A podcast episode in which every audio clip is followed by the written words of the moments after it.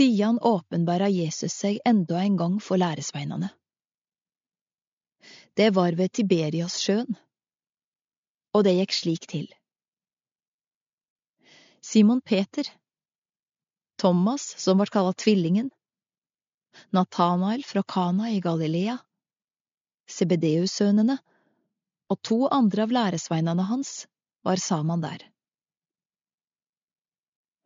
Simon Peter sier til de andre, Jeg vil ut og fiske.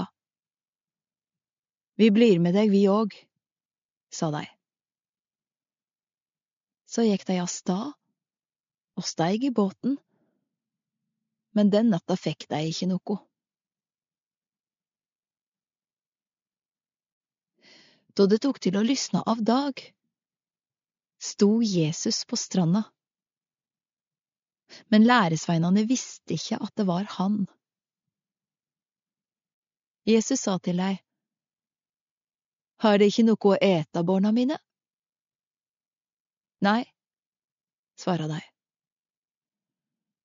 Kast garnet på høyre side av båten, så skal det få, sa han. De kasta garnet, og da greide de ikke å dra det opp. Så mykje fisk hadde de fått. Den læresveinen som Jesus hadde kjær, sa til Peter, Det er Herren. Da Simon Peter høyde at det var Herren, batt han kappa om seg, den hadde han tatt av, og hoppa i sjøen.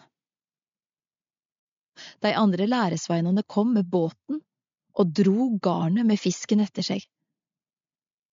De var ikke langt fra land, bare omkring 200 alner.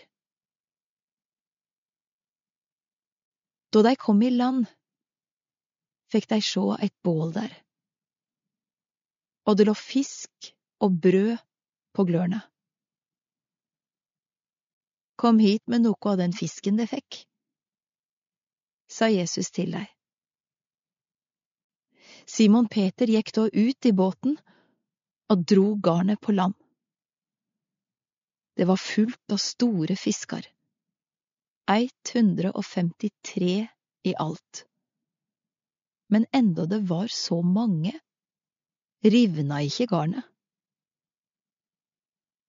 Jesus sa til deg, Kom og få mat.